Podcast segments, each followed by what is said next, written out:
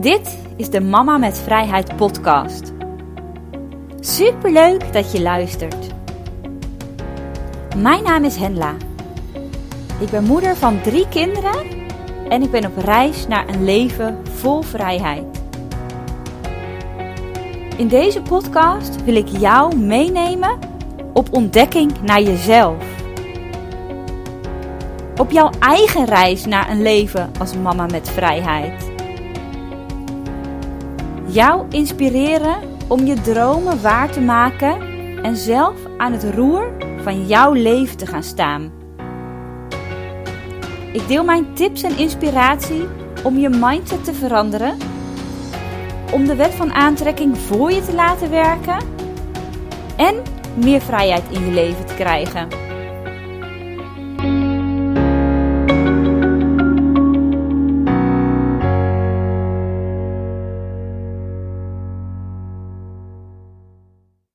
Welkom bij een nieuwe aflevering van de Mama met Vrijheid podcast. Super leuk dat je weer erbij bent en dat je weer meeluistert. En ik bedacht me uh, afgelopen week dat ik eigenlijk helemaal niet weet hoeveel ik hier verteld heb over de helweek die ik van plan ben om uh, te gaan doen. Ik zou hem eigenlijk afgelopen week doen, maar ik heb hem een week uitgesteld, dus ik ga hem volgende week doen. Want afgelopen week is Michiel geopereerd. Hij heeft twee jaar geleden maagverkleining laten doen. En eigenlijk sinds die tijd, eigenlijk al twee jaar lang, kan hij niet meer fatsoenlijk eten. Kan hij alleen nog maar uh, vloeibare dingen eten of dingen die heel erg dun zijn. En eindelijk na twee jaar hebben ze dan uh, het probleem wat er was opgelost. Ze hebben ontdekt dat het nieuwe maagje en de darmen hadden ze gedraaid aan elkaar gezet. En daar kon dus bijna geen eten doorheen. Alleen dingen die heel dun waren, konden er doorheen. En verder paste het gewoon niet. Bleef het hangen in zijn slokdarm. Dus had ook zijn hele slokdarm ontstoken. En moest hij heel uh, veel weer uitspugen. Normaal gesproken zegt ze, ja, na een maagverkleining kun je niet spugen. Maar hij spuugde heel makkelijk. En het kwam omdat het dus ook niet in zijn maagje kwam, maar het bleef gewoon in de slokdarm hangen. Ten eerste duurde het heel lang om voor de artsen te ontdekken waar in vredesnaam het probleem in zat, dat hij niet kon eten. En daarna zaten we ook dus nog met de corona dat heel lang hij niet geopereerd kon worden in het ziekenhuis. Uh, hij zat onder behandeling in Eindhoven. En de locatie Eindhoven was gewoon helemaal dicht. En ze hadden alleen Veldhoven open. En daar deden ze alleen dan uh, operaties die echt heel noodzakelijk waren. En nu afgelopen dinsdag is hij dus eindelijk geopereerd. Hij moest in eerste instantie één nachtje blijven. Uiteindelijk werden dat er twee. Hij voelde zich best wel goed, maar omdat hij de eerste dag heel veel had geslapen, had hij uh, s ochtends nog niet gegeten, mocht ik hem niet ophalen. En uh, kon ik hem dan uh, donderdag ophalen. Dus nou ja, het leek me niet zo handig om in deze week dan ook mijn helweek te gaan doen. Dus ik heb hem verplaatst naar een volgende week. En wat is dan zo'n helweek? nou, ik heb het boek Helweek van Erik Bertrand Larsen gelezen. En ik werd daardoor zo geïnspireerd. Ik dacht, ik wil zelf ook zo'n helweek doen.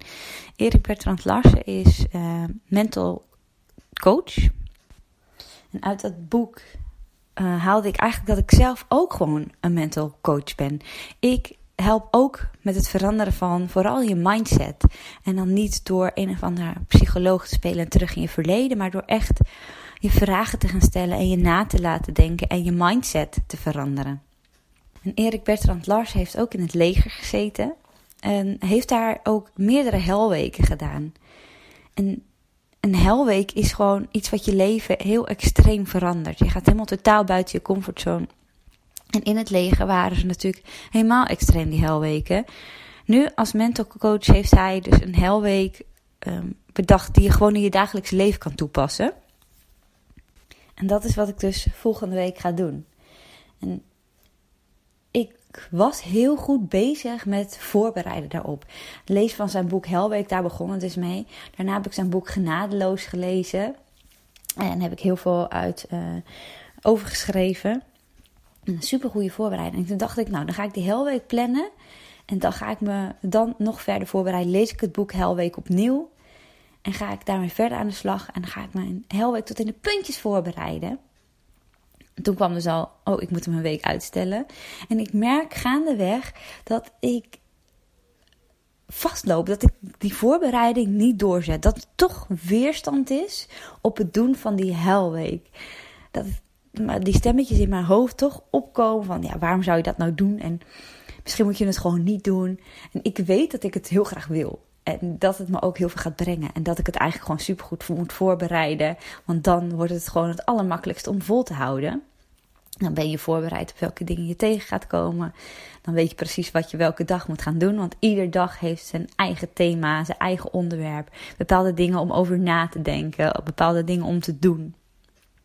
En ik merk dat ik gewoon op een gegeven moment stopte in de voorbereiding.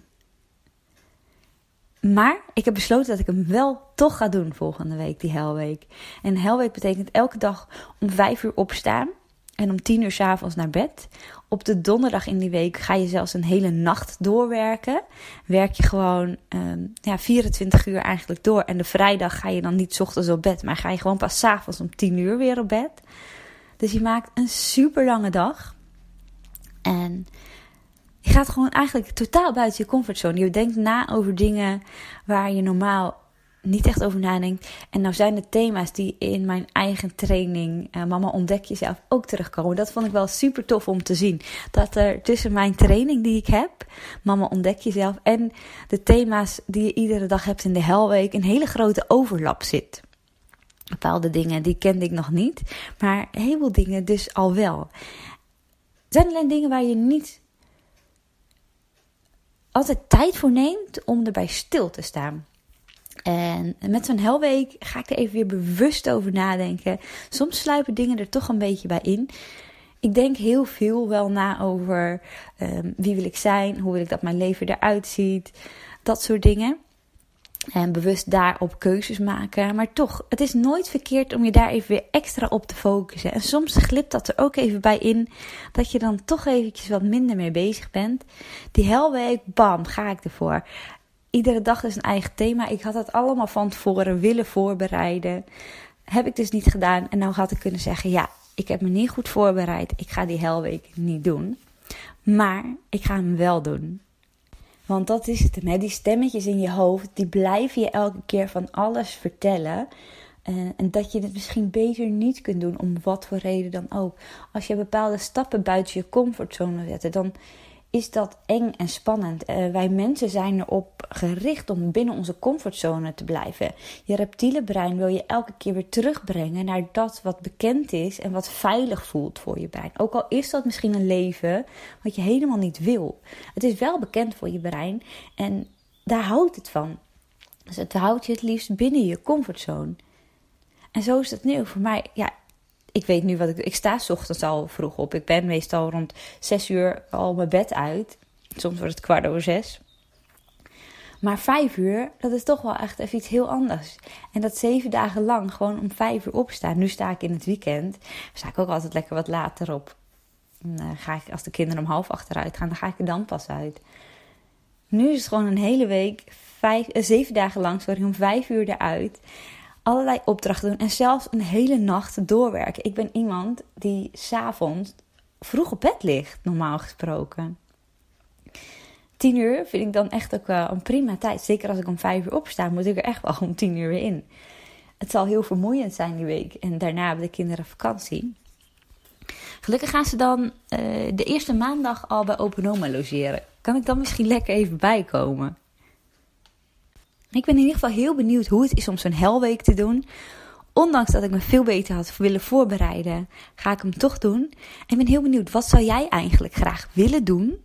Wat compleet buiten je comfortzone is en wat je nu nog niet durft. Waarvoor je weerstand voelt, angst voelt en het daardoor gewoon niet doet. En hoe kun je dan toch ervoor zorgen dat je zo'n eerste stap gaat zetten? Of gewoon denken, ja, hallo, fuck it, ik ga het wel gewoon doen.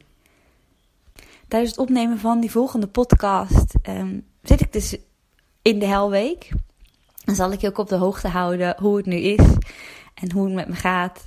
En nee, misschien nog een extra podcast aflevering na de 24 uur werken. Of misschien neem ik hem wel eentje op tijdens die 24 uur.